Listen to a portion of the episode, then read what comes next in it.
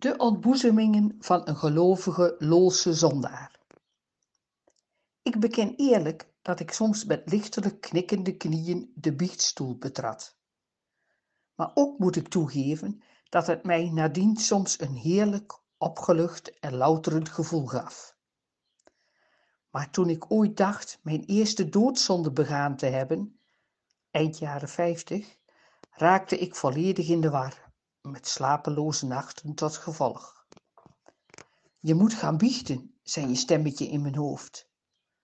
Stel je voor dat je verongelukt, dan kom je in de hel terecht. Het was alsof ik de helse vlammen al voelde, want het stond voor mij vast dat hetgeen ik in mijn jeugdige onbezonnenheid gedaan had, onder de categorie doodzonden viel. Verschillende plaatsgenoten gingen regelmatig bij de paters in Babberig biechten, wist ik. Deze waren milder in hun oordeel en ze werkten de rij wachtende zondaars meestal snel af. Dit was tevens de belangrijkste motivatie om in het naburige dorp de bezoedelde ziel te laten reinigen. Zo begaf ik mij op een stormachtige zaterdagmiddag op de fiets naar Babberig. Een ware marteltocht was dit. De Ravenstraat week, met de wind tegen, langer dan ooit. Telkens repeteerde ik voor mezelf de woorden die ik in het biechthokje zou zeggen. Het angstzweet brak me uit. Er waren niet veel biechtelingen. Het ging inderdaad verdomde snel. Het hart bronste in mijn keel. Voor ik het goed en wel wist, zat ik geknield voor de eerwaarde biechtvader, die met beide handen in zijn uitzonderlijk weelderige baard woelde en mij geruststellend en begripvol toeknikte. Ik heb dat vervelende mietje van een buurjongen voor de kop geslagen. Bij Moetje Buiting een pakje sigaretten gejat en ik heb in de huimiet gezondigd tegen het zesde gebod. Voor zij die dat niet meer weten, gij zult geen onkuisheid doen.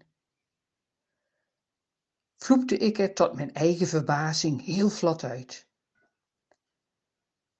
Van dat laatste wil ik graag wat meer details, mijn zoon, hoorde ik op doodgemoedereerde en vaderlijke wijze brommen.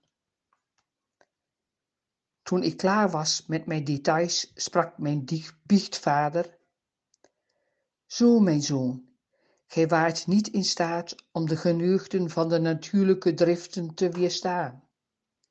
Gij zijt de eerste niet en gij zult ook de laatste niet zijn. De daad die gij hebt begaan is slechts voorbehouden aan mensen die in de huwelijkse staat verkeren. Tracht die driften in het vervolg wat in te tomen en ge zult er straks, als ge gehuwd zijt, des te meer van genieten. Beloof je dat, mijn zoon? Ja, sprak ik vol overtuiging. Gij kunt gaan, hoorde ik.